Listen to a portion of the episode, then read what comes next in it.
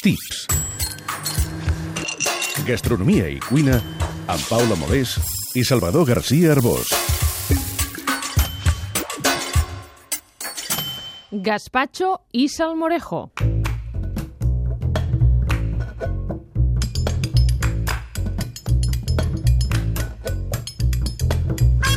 El gazpacho i el salmorejo són dues elaboracions en cru amb tomata, all, oli i vinagre de la família dels gazpachos originàries d'Andalusia.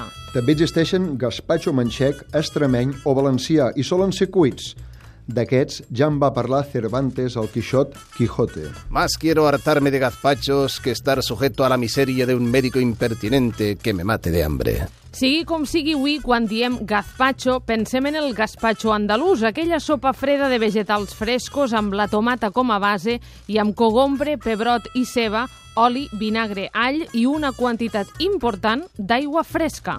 El salmorejo també és andalús, però cordobès, com la famosa mesquita i el torero. La definició clàssica del salmorejo és de gazpacho de tomata amb l'oli, all i vinagre, sense aigua i molt de pa, que li dona la seva cremositat característica. No porta aigua gens, per la qual cosa és una sopa molt més espessa que un gazpacho. De fet, molts cuiners l'usen com a salsa per sucar peix, per exemple, i a banda hi ha un plat tradicional amb conill. Al gazpacho més líquid se li afegeixen verdures i crostons de pa de guarnició, els entrebancs. El salmorejo canònic només admet ou dur i pernil.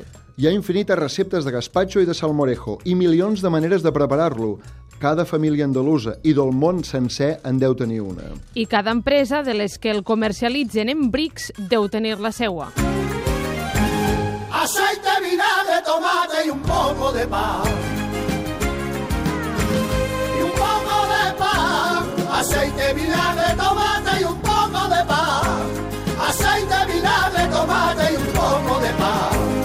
Los del Guadalquivir parlen del gazpacho i del tomàquet, però com ens fa veure la periodista, investigadora, desmuntadora de mites Anna Vega, el gazpacho en origen no era vermell. La primera recepta escrita del 1747 diu que es feia amb crosta de pa, vinagre, sal, oli, alls i espines d'anxova.